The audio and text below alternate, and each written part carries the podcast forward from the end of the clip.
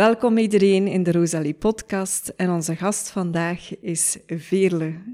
En misschien ga ik toch al eens het verhaal vertellen hoe dat wij elkaar ontmoet hebben, Veerle, want dat zegt eigenlijk heel veel over het thema van deze podcast. Wij kennen elkaar eigenlijk niet. Ik denk dat we elkaar een uur gesproken hebben en hier zitten we. Hè? Ja. Dus dat is wel heel, uh, heel bijzonder. Um, en eigenlijk onze ontmoeting kadert volledig in het thema van deze podcast. Het was op een event waarbij dat jij eigenlijk startende ondernemers mocht toespreken, uh, hoe dat het was om op te starten enzovoort. En ik weet, er zaten er nog een aantal in het panel en jij viel mij direct op. Ik dacht, dat is er nu eens eentje waar dat ik uh, klanten zou naar durven doorverwijzen. De manier waarop dat je in het leven stond, gevoelt dat direct. En ik denk dat jij iets gelijkaardig had bij ons verhaal, het Rosalie-verhaal, het opstarten van een business, producten in de wereld zetten. Want jij bent eigenlijk spontaan na het event, eh, je ons eigenlijk ter hulp geschoten. Zonder dat we het gevraagd hadden, maar ergens vanuit een aanvoelen van dat is juist.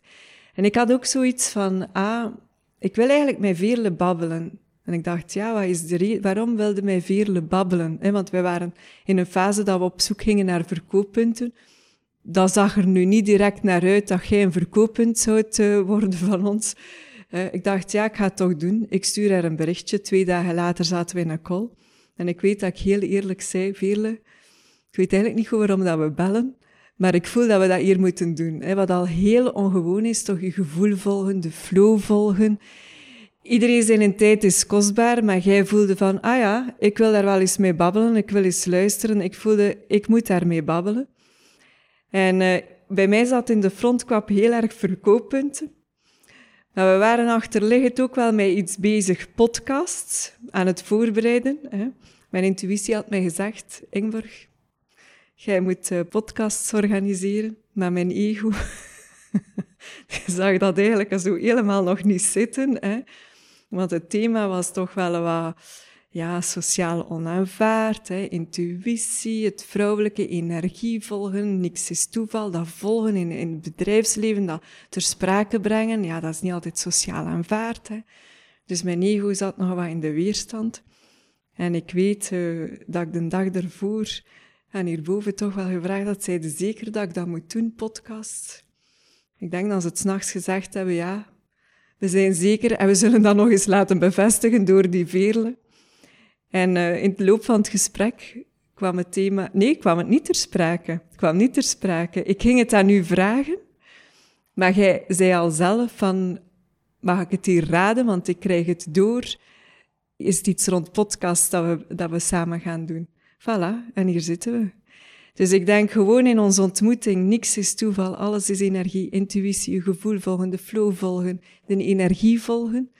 Op een uur zat er allemaal in.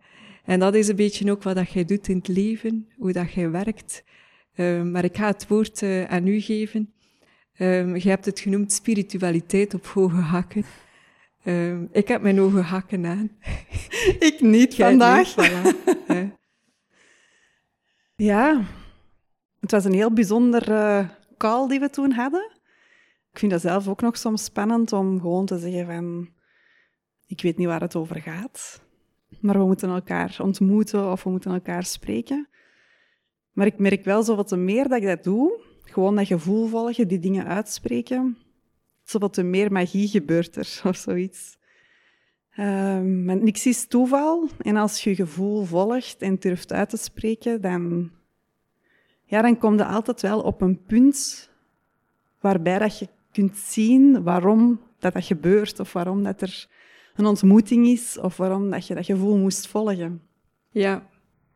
En rond die podcast, dat was uh, voor mij een beetje verwarrend, omdat ik zelf al ja, iets meer dan een jaar het gevoel heb, ik moet iets met podcasts.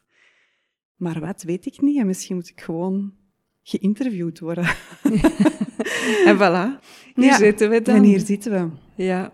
Ja, en spiritualiteit op hoge hakje, dat was eigenlijk naar aanleiding van een mail van jou, dat dat verhaal ineens terug boven kwam. Um, ik weet dat er heel veel mensen zo nog het gevoel hebben van, als je over spiritualiteit spreekt, of heeft men een bepaald beeld.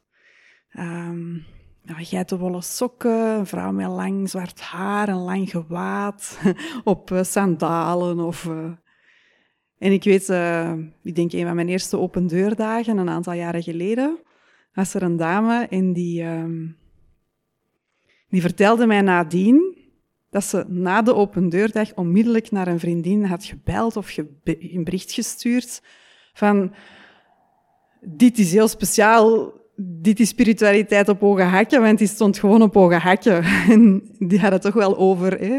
dingen die geen toeval zijn, alles is energie, dus al dat prototype rond spiritualiteit, die woorden die vaak ook ja, heel zweverig klinken. Ja, en ik denk dat dat misschien wel typerend is voor hoe dat ik in het leven sta. Mijn eerste professioneel leven, laat het ons zo noemen, heb ik vooral in het bedrijfsleven gewerkt. Uh, meestal financieel gecombineerd met het verkoopstuk, eh, account management. Um, ik ben eigenlijk ook accountant-fiscalist van opleiding. Um, dus ik ben zo eigenlijk bedrijfsleven ingerold, maar met toch altijd een beetje anders gevoeld of zo. Um, alhoewel dat ik in die periode mijn intuïtie niet zo erg toeliet. Ik heb het waarschijnlijk wel gebruikt zonder daarmee bewust van te zijn, maar ik zat vooral in mijn hoofd. En ja, eigenlijk is dat vooral op een keerpunt gekomen op het moment dat ik een opleiding gaan volgen ben. En dat was echt puur op het gevoel. Uh, mijn eerste opleiding die mij eigenlijk in contact heeft gebracht met mijn eigen intuïtie, met mijn invoelen. En dat was een opleiding gezichtsreflexologie. Die heb ik gevolgd om onze jongste zoon toen thuis te helpen. En um, ja, toen, door dat te doen, dus gezichtsreflexologie toe te passen bij andere mensen, ben ik pas echt gaan voelen, ja, wat voelen eigenlijk is. Ja. En dat was in het begin heel bizar, want ik kreeg beelden van mensen op het moment dat ik met die massage bezig was en ik begreep er niks van. Ja, en dan ga je dat uitzoeken. Wat is dat nu?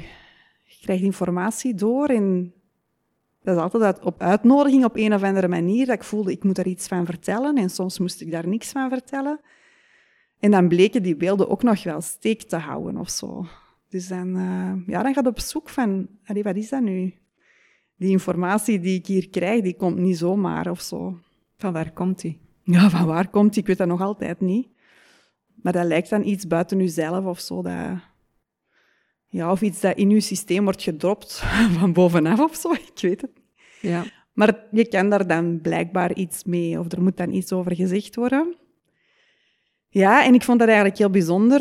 Ik ben dan ook ja, van allerlei opleidingen gaan volgen, maar heel vaak merkte dat hetgeen waar ik in de opleiding kreeg, dat dat ook hetgeen was wat ik al deed. Dus dat die opleiding op zich mij niet verder bracht. Ik wou informatie over wat wil dat zeggen, wat ik doorkrijg, maar tijdens die opleidingen krijg je eigenlijk meer een begeleiding van dichter bij jezelf komen, aan die informatie komen. Dus ja, ik, ik ben ook wel bijvoorbeeld een opleiding channeling gestopt in de helft van die opleiding, omdat ik het gevoel had van, ja, ik doe dit al, zonder, uh, zonder te weten hoe ik dat dan eigenlijk doe. Dus ja, en dan, dan weet ik dat ik heel veel ja, in dat voelen gegaan ben. En vooral ja, vanuit die rust komt er heel veel informatie. En in het begin vooral voor klanten. Um, maar dan merkte dat dat voor mijzelf ook wel werkte. Ja.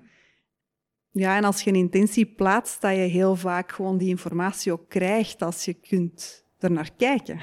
Ja. En zoals jij daar straks zei, van ik heb naar hierboven eens gevraagd van, moet ik dit nu echt doen? Die podcasts maken, geef mij nu eens een signaal. Ja, dan krijg je ze, of je krijgt ze niet, maar dan krijg je wel duidelijkheid. Ja. Dikwijls is de intentie, de vraag die je hebt, ze uitspreken, dat de informatie vanzelf komt. Ja, en daar dan ook mee aan de slag gaan, hè? want dat is het tweede. Hè? Dat is de uitdaging dan. Ja. ja.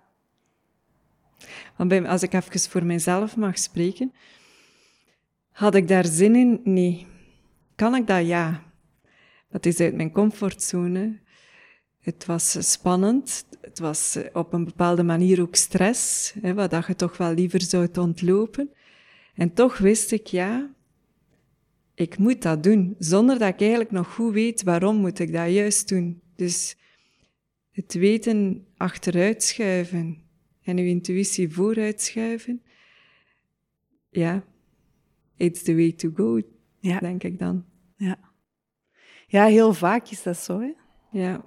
Heb, dat, eigenlijk is dat bijna dagelijkse kost bij mij ondertussen. Van, ik moet iets doen en ik doe het gewoon en ik zie achteraf wel wat het, de reden daarvan was. Ja. En soms is het pas heel veel later ook dat je pas weet of ziet van, ah, daarom... Ja, ik denk onze ontmoeting bijvoorbeeld op Starterslabo is daar ook een kei mooi voorbeeld van.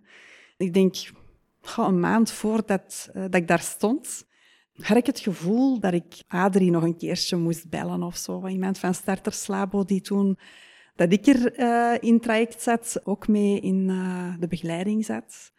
En uh, ik wist bij God niet waarom. Ik had mij wel begin van het jaar voorgenomen, ik ga één keer per week iemand contacteren die ik of al lang niet meer gehoord heb, of waarvan ik het gevoel heb, ik moet die contacteren. Waarom, dat weet ik niet. Dus bij Adrie was dat zo. Ik had hem gebeld. Een heel tof gesprek.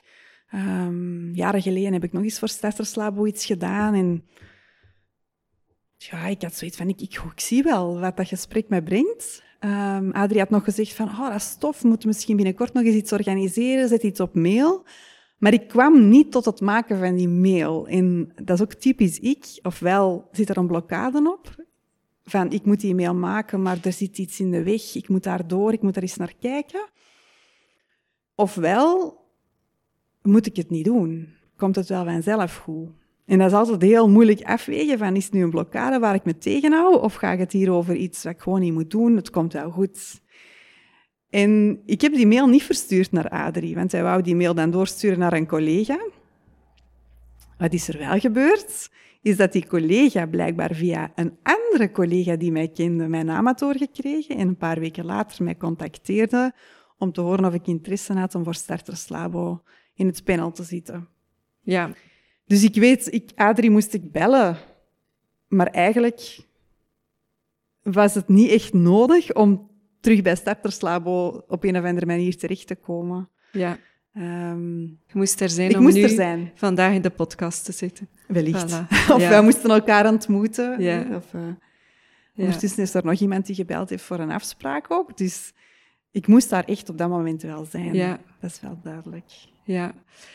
Vele, als je nu eh, daar juist hebt dus al eens iets te kennen gegeven, het, het toepassen van alles is energie, niks is toeval in uw praktijk zelf. Eh, het ontstaan van uw logo was ook een heel speciaal, eh, is ook op een heel speciaal manier gegaan. Eh, want ook uw eigen praktijk is een verhaal van niks is toeval, alles is energie en dat volgen, zo krijgt Ja. u ook vorm. Ja. Ondertussen is dat zeven jaar geleden, of acht jaar geleden, denk ik, dat, mijn, eh, dat ik gestart ben, via Starters Labo eerst. En ik ben gestart als gezichtsreflexologo. Hè, zoals het moest met een logo en een website. Maar een aantal jaren later merkte ik zelf dat door ja, opleidingen te volgen en ja, ook te zien wat de vraag was die ik kreeg, hè, mijn eigen evolutie, want zelfstandig zijn is zelf ook evolueren, je staat nooit stil. Ja, dat, die, dat dat logo in mijn website eigenlijk niet meer paste. Ehm, ja, je wilt dan eigenlijk van alles bedenken, maar ondertussen wist ik ook van, ja, bedenken, zo werkt het niet. Het logo is er al, ik het is er alleen nog niet in de materie. Hè. Dan moet ik even denken hoe dat weer in elkaar gevallen is. Ik kreeg tijdens het organiseren van een workshop een schilderij. En dat was omdat ik in die dagen verjaarde. En er komt morgens iemand toe en die heeft een schilderij voor mij bij. Dat is ingepakt. Ik doe dat open en ik begin enorm te wenen. En ik denk, oh, maar ben ik zo geraakt doordat iemand voor mij een cadeau bij heeft voor mijn verjaardag? Ja, ook. Maar achteraf weet ik waarom dat ik zo geraakt was. Omdat dat schilderij eigenlijk helemaal vertegenwoordigt wie ik ben en wat ik doe. Maar ik had op dat moment dat helemaal niet door. Dus ik heb het schilderij in mijn praktijk geplaatst op een, ja, een prominente plek. Want ik voelde, dit hoort in de praktijk thuis. En dan maanden later zat ik met een vrouw, eh, een collega, voor het schilderij. En we waren ja, eigenlijk zo aan het filosoferen van wat doe jij, wat doe ik, wat is onze missie. En eigenlijk kwamen we tot de vaststelling, we doen hetzelfde. Ja, maar op een andere manier en in een andere vorm. Maar we willen eigenlijk mensen terug naar hun kern brengen. Zodanig dat ze van daaruit kunnen leven. Dus vanuit een soort van rust hun pad kunnen volgen en in beweging kunnen komen. En in de andere richting ook natuurlijk. Vanuit beweging terug in rust. En het was geen toeval. Ik had een roze trui aan en mijn collega een lichtblauwe trui. En wij zaten voor het schilderij en op een bepaald moment, dat was heel gek, viel dat als een waarheid op de tafel. Dat dat schilderij eigenlijk vertelt wat ik doe. En wat zij eigenlijk ook deed. Dus op dat moment voel je van, wow, dit is hetgeen wat dat schilderij komt brengen, of wat dat eigenlijk doet met mij. Want dat raakt mij in mijn essentie, in wie dat ik ben. In die periode was ik ook een online cursus aan het volgen bij Soulworks. En oh, daar zitten ook begeleidingen in met meditaties, om ook van binnenuit de dingen te laten ontstaan. En ik weet nog dat ik op een nacht droom dat ik een foto neem van het schilderij en die foto gebruik voor op een website. Dus ik sta s morgens op met het idee, dat is mijn logo. Dat schilderij is eigenlijk mijn logo. Nu, op dat moment, een schilderij is uw logo niet, hè, want dat is een schilderij. Dus dan heb ik iemand gevonden die het wou omzetten in een logo. En dat viel eigenlijk helemaal in zijn plooi. Dat was echt van, oké, dit klopt. Um, ondertussen is dat verhaal nog een stukje verder gegaan en zijn er nog heel wat puzzelstukken in elkaar gevallen. Um, weer een aantal maanden later is een collega verhuisd, die haalt een boek uit de kast en dat boek valt open op een pagina. En eigenlijk op de pagina waar dat logo quasi hetzelfde zoals het is op mijn echte logo, in staat en er staat bij beweging en rust. Dus eigenlijk is dat een spiritueel symbool. Ik krijg nog kippenvel dat ik het vertel, want hoe gek is dit? Hè? Dus het, het, het, was er al en het is gewoon, het heeft zich aangediend aan mij om te tonen van dat is uw logo, dat is hetgeen wat je doet. Um, en dat is het symbool daarvoor. En dan ja, in diezelfde periode viel mijn oog op een schilderij dat mijn jongste zoon in het derde kleuterklasje heeft gemaakt. En eigenlijk is dat bijna ook hetzelfde wat hij geschilderd heeft toen. Ja. Dus dat is eigenlijk iets dat al heel lang in mijn leven is, maar dat ik pas later kunnen vertalen heb naar mijn logo, blijkbaar. Ja. Dat uh, het moest zijn. Ja, op een bepaald moment kun je het uitleggen, maar niet op het moment dat het naar je toe komt. Ja, klopt. Ja. Dus achteraf zie je dat, hoe dat die puzzelstukjes in elkaar vallen, of hoe dat, dat zich al heeft aangediend ervoor. Maar het is maar op het moment dat ja, dat het bij elkaar valt, dat je zegt, ah ja, hoe gek is dit? Ja, en het logo is ook een symbool van inderdaad wat dat erachter zit, beweging en rust, exact. Ja, ja wat dat jij met uh, uw klanten uh, heel de tijd het, uh, het evenwicht tussen die twee, hè? Ja. wat dat je eigenlijk van s morgens tot s avonds doet. Ja. ja. Mooi. Ja, dus ik vind dat altijd, ja, ja. Dat is voor mij een stukje magie. En ja. um, dat klinkt dan heel zweverig, maar ik weet wel en ik voel aan alles dat mijn logo ook klopt. Ja, maar ik herken volledig de manier waarop dat jij het logo vertelt en hoe dat, dat gekomen is. Wij, in de eerste podcast leggen wij exact uit hoe dat de naam Rosalie... Het is bijna een gelijkaardig verhaal, het familiesysteem zit er mee in enzovoort enzovoort. Hè. Het is ook uh, naar ons toegekomen. Dus de naam is ook niet zelf gekozen of bedacht of er zitten over nadenken. En dat vertelt alleen nog maar over, het is een naam, maar dat betekent ook wel dat alles wat erachter zit, dat dat klopt. Ja. En voor mij is dat een nieuwe manier van, van werken, want wij bouwen op die manier, dat is één voorbeeld, een bedrijf uit. En ik ben eigenlijk blij dat ik dat ook hoor, want ja, dat is ook uw praktijk Hmm. wordt daarop opgebouwd. En dat is ook een beetje de reden van de podcast, wat op zoek naar gelijkgestemden. En mijn vraag naar u toe is, zie jij er zoveel die op die manier werken? Ik denk meer en meer. Maar misschien is dat ook omdat ik, dat ik zelf in die fase zit en dat ik ook voel dat ik mensen um, die hun purpose willen leven, hun missie willen volgen, dat ik die kan helpen en dat ik die daarom ook aantrek. Maar ik geloof wel dat het eigenlijk de nieuwe manier van ondernemen is. Waarbij dat je ja, eigenlijk vanuit het veld je informatie krijgt, daardoor dat je waarschijnlijk in een proces terechtkomt, maar dat je daardoor kunt gaan doen wat je ja, verwacht wordt bijna te doen. Ik geloof dat wij er allemaal zijn om iets te betekenen. En als je naar de essentie teruggaat, willen we allemaal hetzelfde. We willen allemaal uh, wereldvrede en een betere wereld. En ook voor de toekomstige generaties. En ik denk dat de informatie om die dingen in de wereld te zetten die dat de wereld nodig heeft en de mensheid nodig heeft, dat die van binnenuit komt. En dat we die, ons verstand, dat we dat zeker mogen gebruiken hè, om op een slimme manier ons talenten in te zetten, om vorm te geven aan wat we te doen hebben. Maar dat dat niet van, dat eigenlijk niet alles daaruit ontstaat, uit het denken, maar eerder vanuit een intuïtie, vanuit een weten. Ja, vanuit die intuïtie kan het ontstaan. Ja, het is heel gek, maar dan klopt het gewoon.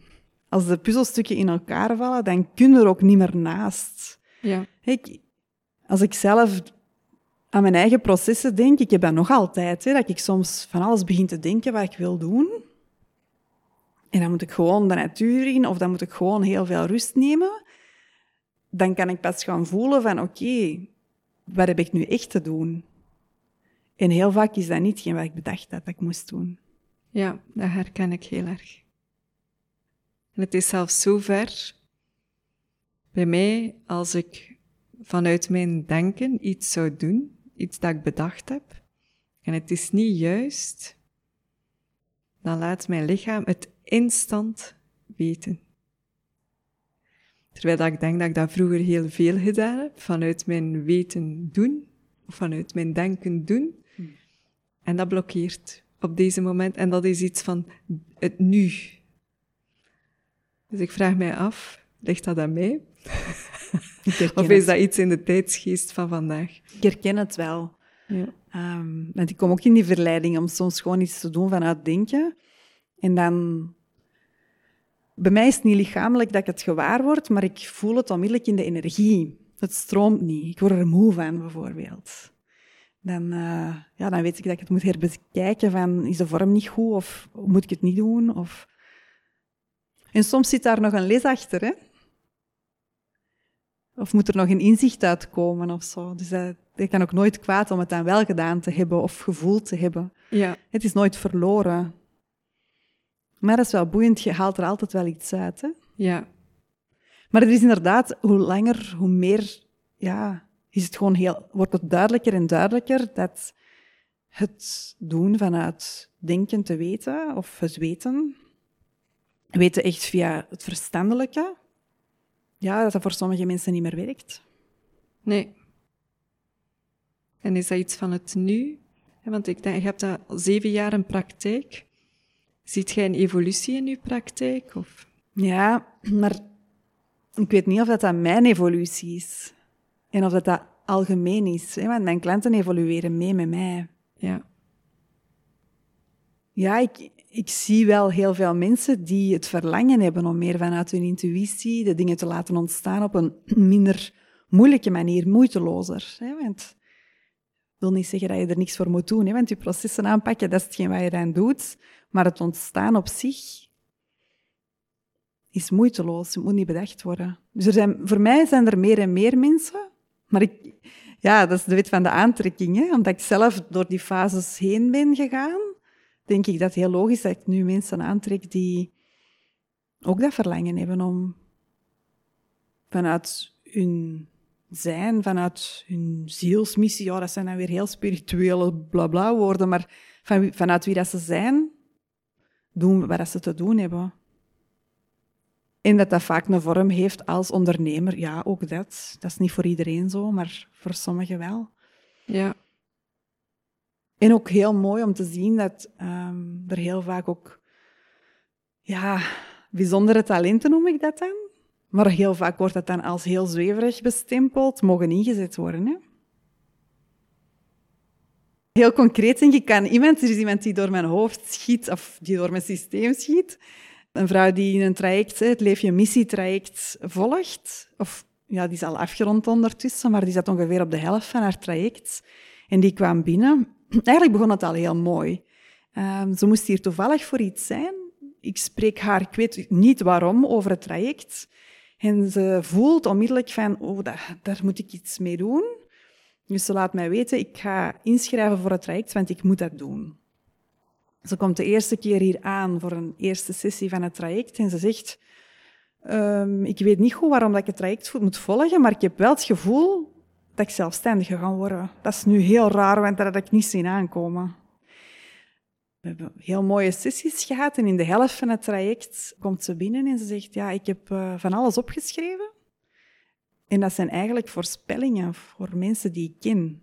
Dus zonder dat ze het echt besefte, kwam er een talent boven van helderziendheid.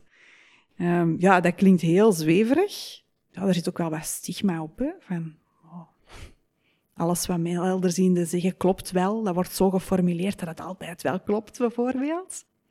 Maar mooi om te zien is dat je dat ook op verschillende manieren kunt gebruiken. En als je kijkt naar het oude spirituele, dan werd dat heel vaak gebruikt om mensen afhankelijk te maken. Maar als dat talent er is en je kunt dat wel inzetten met, uiteraard met mandaat, mandaat om het te mogen doen voor iemand, um, en je kunt daar net iemand mee in zijn kracht zetten, ja, dan is dat een heel mooi talent. Of je zet het in om een bedrijf op te starten. En, uh, je kunt het helderziend noemen of je kunt het visionair noemen. Ja. Einstein was een visionair, maar was liever helderziend of heldervoelend.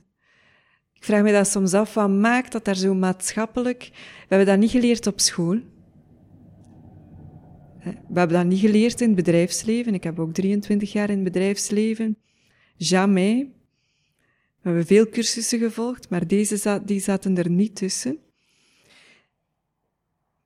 ben zelf ook opgeleid. Hè. 2012 is mijn groei ook. Waar dat ik de cursussen gevonden heb, je weet het niet. Hè. Ze zitten ergens verdoken. Allee, je moet ze gaan zoeken. Daar hebben wij dat geleerd. Of, of daar kon, het, kon het talent zich ontwikkelen.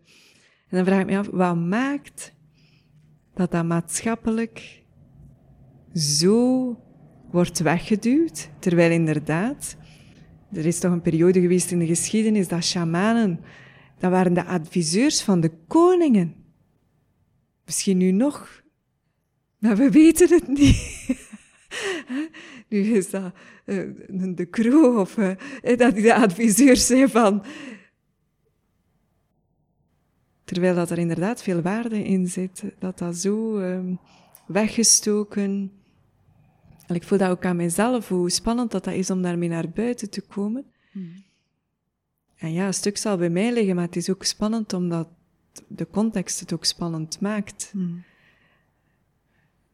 Ja, soms stel ik me wel die vraag. Dat jij daar een wijs antwoord op wil. Als je kunt putten uit die bron, dan is dat wel een enorme kracht. Hè? En je komt bij informatie die dat je met je verstand niet kunt bedenken. Dus dat kan ook wel heel bedreigend voelen. Hè? Ik weet niet waarom dat er zo een oordeel op zit of schaamte. Ja, ook. Ja, wellicht. Uh, en dan komen we echt in heel spirituele bla bla. Maar ja, we weten ook niet op zielsniveau wat hebben we allemaal al gedaan. Waar hebben wij in vorige levens uitgehangen en waar hebben we het leven moeten bekopen? Ja. ja met ons leven moeten bekopen door die speciale talenten in te zetten. Ja. Ik heb daar zelf niet zoveel over te vinden, maar ik zie wel in sessies, als je gaat zoeken naar oorzaak, waarom iemand niet met dit soort van dingen naar buiten durft komen, of zelfs die talenten nog maar durft erkennen, dat dat heel vaak zit op een stuk kwetsuren uit vorige levens. En ik probeer in sessies altijd erin te staan, ik weet niks en ik heb op niks oordeel. En als dat er dan uitkomt via het onderbewustzijn, want ik bedenk dat niet, hè? dat is opgeslagen in het lijf, in het systeem van mijn cliënten, en je komt bij die oorzaak uit een vorig leven, en ik zie dat niet één keer, maar regelmatig terugkomen, zeker voor mensen met een purpose. dan denk ik dat daar wel een groot stuk van het antwoord zit. Hè? Ja. Dat heeft een enorme kracht die met het hoofd niet te verklaren is. En voor diegenen die dat daarbij kunnen, is dat iets natuurlijk. Maar voor mensen die dat daar niet bij kunnen of willen, is, kan dat ook heel bedreigend zijn. Hè? Ja. Maar daar zit wel de magie. Daar zit de magie. Ja. Ja. Plezant, ik, moet, ik moet in verband met die vorige levens komt er nu ook een verhaal boven. Er was iemand die af wilde van het blozen. Blozen. Iemand die altijd bloosde in, ehm, in groep. Zelfs bij bekende mensen. En we kwamen bij de oorzaak uit in een vorig leven waar zij op de brandstapel was gegooid. Onder toezicht van een groep. Dus het branden, de rode kaken, had daarmee te maken. De pijn die dat daarop zat. En als die eruit was, of losgelaten was uit het lichaam, was het blozen ook niet meer aanwezig. Ja. Dus dat is heel gek hoe dat ons cellen, of ons celgeheugen, dat dan eigenlijk toch nog weten. Ja. Dat is echt... eh, En ik verzin dat niet. Nee. Hè? Dat is via het onderbewustzijn en communicatie met het onderbewustzijn dat dat door vragen te stellen naar boven komt. Dus eigenlijk, als ik u goed begrijp, als je, je hebt het over rust en beweging. En je vertelt van jezelf van, als je met iets zit dat je wilt doen, heb je de natuur nodig, de rust nodig om te weten, om je intuïtie eigenlijk te horen. Dan kun je in beweging komen. En als je je intuïtie gehoord hebt, dan weet je, ik kan bewegen. Als je beweegt en het blokkeert, is naar binnen gaan, blokkades wegwerken. Ja. Ja, het leven is simpel. Eigenlijk is het heel eenvoudig. Het systeem op zich is heel eenvoudig, maar om het aan te pakken is het niet altijd gemakkelijk. Want zo'n systeem is ook zo gebouwd dat we ervan weglopen, hè, van die blokkades. Van die pijn dat daar zit, heel vaak willen we daar onbewust niet meer naartoe. En het is dat samenspel, dat zoeken van wat maakt dat dat onderbewustzijn daar niet terug naartoe wilt, of wat heeft het onderbewustzijn nodig om daar wel naartoe te gaan, te gaan kijken en dat los te laten, ehm, dat zo, zo bijzonder is. Want hoe dat je het ook draait of keert, je geraakt daar wel door. Ja. En ik ben een grote voorstander van, hè, van zelfonderzoek en zelfreflectie. Maar hoe dat je het ook draait of keert, je blijft blinde vlekken hebben. En ook ik laat mij regelmatig bijstaan om te gaan... Ieder- iedereen zou, dat, zou een coach moeten hebben of iemand moeten hebben die mee naar die blinde vlekken kijkt. Omdat dat kei logisch is. Ik ben er elke dag mee bezig. Veel mensen denken van, oh, die weten dat allemaal, die kennen dat allemaal. Dat is helemaal niet waar. Iedereen heeft blinde vlekken waar het interessant is om mee naar te laten kijken. Ja, Ja, dus evolueren is eigenlijk aan jezelf werken. Hè? dat is het. Ja, Je evolueert volgens mij altijd. En als je de volle verantwoordelijkheid voor je eigen leven wilt pakken, dan ga je mee aan dat ritme van, dat e- van die evolutie werken, denk Ja. ik. En dat je daar een soort van versnelling in kunt krijgen. ja. In plaats van dat je tien keer hetzelfde moet tegenkomen voordat je doorhebt over wat het gaat en voordat, eh, voordat je doorhebt dat het anders mag. Dat je één, twee, drie keer hetzelfde tegenkomt en dat je denkt, oké, wat is dit? Over wat Ja. gaat dit eigenlijk? ja. Als je dat nu eens maatschappelijk trekt, hè, als ik eens mag eh, uitzoomen, hoe, hoe zou je dat maatschappelijk kaderen? Ja, heel die beweging van die zelfreflectie naar binnen gaan. Ja, hoe zou je dat maatschappelijk kaderen? Ja, dan zit het al gemakkelijk bij evolutietheorieën. Mhm. Ik denk dat we. Ik denk dat het tijd is. Ik denk dat het heel dringend tijd is dat wij terug naar onze basis gaan. Ik geloof niet dat corona toevallig ontstaan is of gekomen is. Ehm, als je kijkt hoe dat de natuur evolueert, hoe dat de aarde evolueert, dan wil dat iets zeggen. We zijn als mensheid de boel naar de kul aan het helpen. Mhm. En het is echt hoog tijd dat we die verbinding terug kunnen maken met het grotere geheel. En dat kan alleen maar als je eerst terug in verbinding komt met jezelf. Hè. Dus we zitten denk ik evolutionair wel op een punt dat het eigenlijk ook logisch is dat mensen zichzelf tegenkomen. Hè? Heel vaak vanuit een crisis dat men dan toch naar binnen gaat gaan. Want de wereld heeft het eigenlijk ook nodig. Ja. Dus ik ben heel ja, een grote fan van persoonlijke ontwikkeling. Omdat dat ook de enigste plek is waar dat je zelf verantwoordelijkheid op kunt nemen. Ja. Ja, altijd maar naar iedereen liggen wijzen van, ha, en de overheid dit, of de, de mensen dat. Dat is allemaal maar, dat is allemaal maar oordeel over een ander. Hè. Ze zeggen altijd ene vinger naar een ander en er drie naar jezelf. En de enigste plek waar dat je iets kan betekenen aan de verandering is door het in jezelf te veranderen. En ik geloof dat als je een missie in de wereld te zetten hebt, dat het meer dan tijd is om het nu te doen, omdat het net zo impactvol kan zijn. Dus iedereen die voelt een sprankel van ik heb hier iets te doen, maar het is zo spannend, ik raak er niet. Het lijkt onrealistisch, ben ik ja, een grote supporter van om te gaan onderzoeken en het wel te doen, wel te gaan doorpakken. Ja. Want het is zo mooi om te zien dat mensen die die sprankel voelen, dat die meestal echt iets bij te brengen aan de, hebben aan de mensheid en aan de, aan de wereld. Het kapitalisme van profit moet eerst komen en people en planet, dat is maar voor de show dat we daarmee op de waarde zetten, want dat is hetgeen wat al heel lang gebeurt. Hè. Maar in de praktijk de profit toch altijd voorop staat. Ik denk dat het tijd is dat er een evenwicht komt tussen people, planet en profit in de bedrijven. Ja. En ik denk dat je als ondernemer ook meer impact kunt hebben. Ja. Ik meen mij ook te herinneren dat je dat ook zag in je praktijk, dat je eigenlijk ook veel meer bedrijfsleiders begint aan te trekken. Ja. Ja, die aan persoonlijke ontwikkeling komen doen, ja. die, en als ze naar u komen, komen ze om een onbewuste op, op die laag te werken. Ja. Hè? Bij u komen ze niet om op de mentale laag te werken. Nee. Ja. Soms heeft het er ook effect op, maar Ja, ja, het is een onderstroom. Daar, daar zit de verandering. ja, Ehm, en alles is een spiegel, dus ook het bedrijf. Als er een deal niet gesloten wordt, dan heeft dat te maken met een onderstroom in het bedrijf en heel vaak bij het management of bij een bedrijfsleider. Als een bedrijf geen personeel vindt, dan kun je wel heel snel roepen, ja, dat zijn knelpuntberoepen, zal wel. Maar waarom komen ze niet tot bij u, die paar die dat er dan zijn? Ik zou van alle onderwerpen kunnen op tafel gooien die dat daarmee te maken kunnen hebben, maar het moderne leiderschap is zelf misbaar zijn. Je mensen in hun kracht zetten.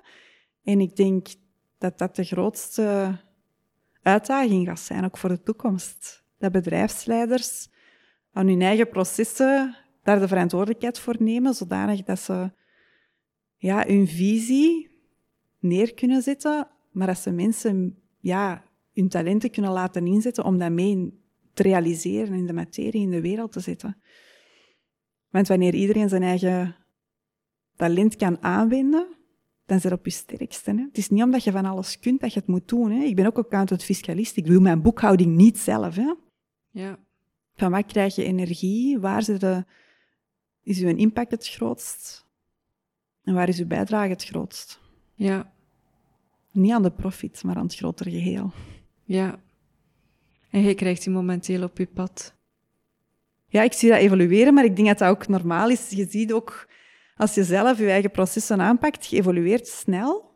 Of je kunt snel evolueren, maar mijn cliënteel verandert mee. Hè? Ja, Waarbij ik vroeger veel mensen had, hè, toen ik startte als gezichtsreflexologe, die ehm, vastliepen, ook fysiek heel vaak, die heel weinig energie hadden, die dan ja, zichzelf wat kwamen opladen. En dan een aantal weken later nog eens terugkwamen, want oh, ze waren zo goed geweest. Maar ik merkte dan al gauw van, oh, hetgeen wat hier gebeurt met dat lichaam, of wat ik aanbreng, wordt, is eigenlijk vrij vrijblijvend nog. Ik zat toen ook nog vooral in een helpersrol, van ik wil mensen helpen, helpen, maar ik werd er eigenlijk gewoon heel moe van zelf. En als ik dan ja, kijk hoe dat geëvolueerd ben, waarbij ik nu, ik ben eigenlijk de procesbegeleider, maar ik help niet. Hè. Ik heb toevallig wat tools, ehm, waarbij er dingen kunnen ontladen worden of waar dingen in de oorzaak kunnen getransformeerd worden. Maar ik ben geen helper. Hè. Ik, ik wandel mee op het pad of zo. mhm, Ehm, en dan zie je, ja, het evolueert gewoon, hè, van particulieren naar ehm, startende ondernemers en meer en meer bedrijfsleiders die openstaan voor dat energetische en merken van een coach, dat is tof. Uh, mentaal is belangrijk om sterk te staan. Er zijn ook veel mensen die, of bedrijfsleiders die ook al aan fysieke werken, maar die toch vaststellen van ik kom bepaalde patronen keer op keer tegen of ik merk dat ik door bepaalde stukken niet doorgraak. Ja. Merk je ook dat die bedrijfsleiders, hè, want het gaat het heel erg over het inwendig proces, dat die aan hunzelf werken. Ik herken dat, hè, absoluut. Dat is een dagdagelijkse bezigheid ook. Maar wat ik ook wel merk is dat wij beslissingen durven nemen op basis van gevoel, ja. Op basis van ons verstand, ja. Maar ook energetisch. Dus ook het hele energetische stuk. Ja, dat wij dat mee in rekenschap brengen om beslissingen op te nemen. Zijn er zo nog? Ja, ik, er komt ook nog wel iets uh, naar boven nu van, van strategie. Ik merk dat dat zelf iets is waar ik zelf ook nog wel iets meer mag vastpakken. Strategie is ook belangrijk, denk ik. Ja, als je weet waar je naartoe wil, maar de strategie dient, is niet dienend, is meer ondergeschikt. Het is er, mm maar het is een beetje de... Hmm, hoe moet ik dat uitleggen? Het geeft een soort van leidraad die ook mag verlaten worden of zo. Ja. Ik weet niet of ik dat duidelijk... Ja, ja. Of hoe ik dat duidelijker kan zeggen. Je maakt een plan en je laat het los. Ja, ook dat. Ja, een plan waarbij je vaak vanuit denken in combinatie met op dat moment voelen, maar dat is een momentopname. Dus het is ook iets dat constant kan bijgestuurd worden. Een plan en een strategie. Ja. Dan merk ik ook een groot verschil. De, de, de, ik spreek even vanuit, mijn, vanuit onze eigen ervaring. We hebben het gevoel dat we heel traag gaan en tegelijkertijd gaan we gigantisch snel. Ja. Die polariteit als iets heel speciaal. Ja. En ik zie duidelijk herkenning. Ja, ja. Ja, en ik voel direct zo een soort van ongeduld. ik herken dat heel erg. Um, soms heb ik het gevoel dat het, dat het allemaal veel te traag gaat.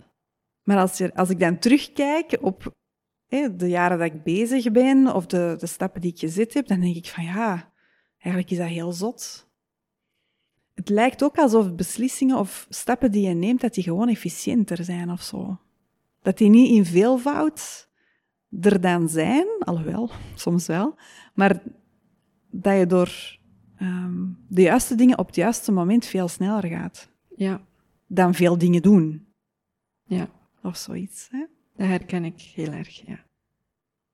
Ja, de juiste dingen op het juiste moment, die timing is ook belangrijk. Want en dat is ook niet altijd evident. Hè? Ik, ik, merk dat ik zelf ook soms dingen voel en daar dan iets per se mee wil, maar het is er nog niet. En dan moet even terughouden totdat het dan wel in zo'n plooi valt. Hè? Dan op het juiste moment en dan is het moeiteloos of zo. Dan moet er niet zoveel voor doen. Ja.